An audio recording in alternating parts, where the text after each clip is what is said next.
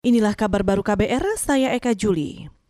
Saudara Ikatan Ahli Kesehatan Masyarakat Indonesia atau IAKMI menilai klaim Menko Polhukam soal tidak ada klaster COVID dari gelaran pilkada masih terlalu dini, sebab ada rentang waktu antara terjadinya penularan hingga keluarnya hasil tes.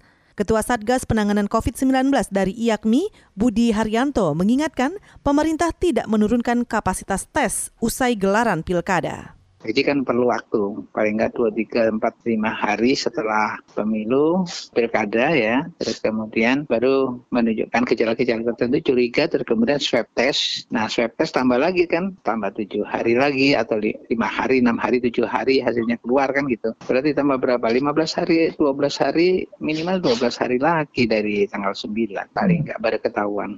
Itu tadi Ketua Satgas Penanganan COVID-19 IAKMI Budi Haryanto.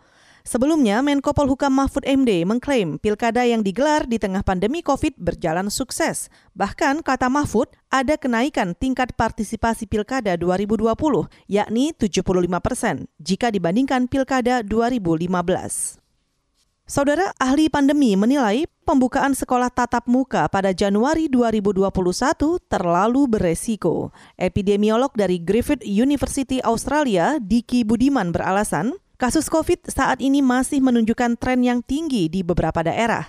Selain itu, angka kematian dan positivity rate di Indonesia juga masih tinggi. Selain itu, di bulan Desember ini kita menghadapi kejadian yang memperburuk ya, jelas secara teoritis praktis pengalaman berbagai pandemi bahwa adanya pilkada ya, pemilu ataupun keramaian-keramaian ini akan memperburuk. Ditambah lagi adanya potensi libur panjang akhir tahun atau awal tahun. Sehingga penempatan pada bulan Januari ini saya nilai secara risiko sangat berisiko tinggi. Epidemiolog dari Griffith University Australia, Diki Budiman menyarankan pemerintah menunda pembukaan sekolah tatap muka hingga kasus COVID-19 terkendali. Penundaan bisa dilakukan paling tidak hingga akhir Februari atau akhir kuartal pertama 2021.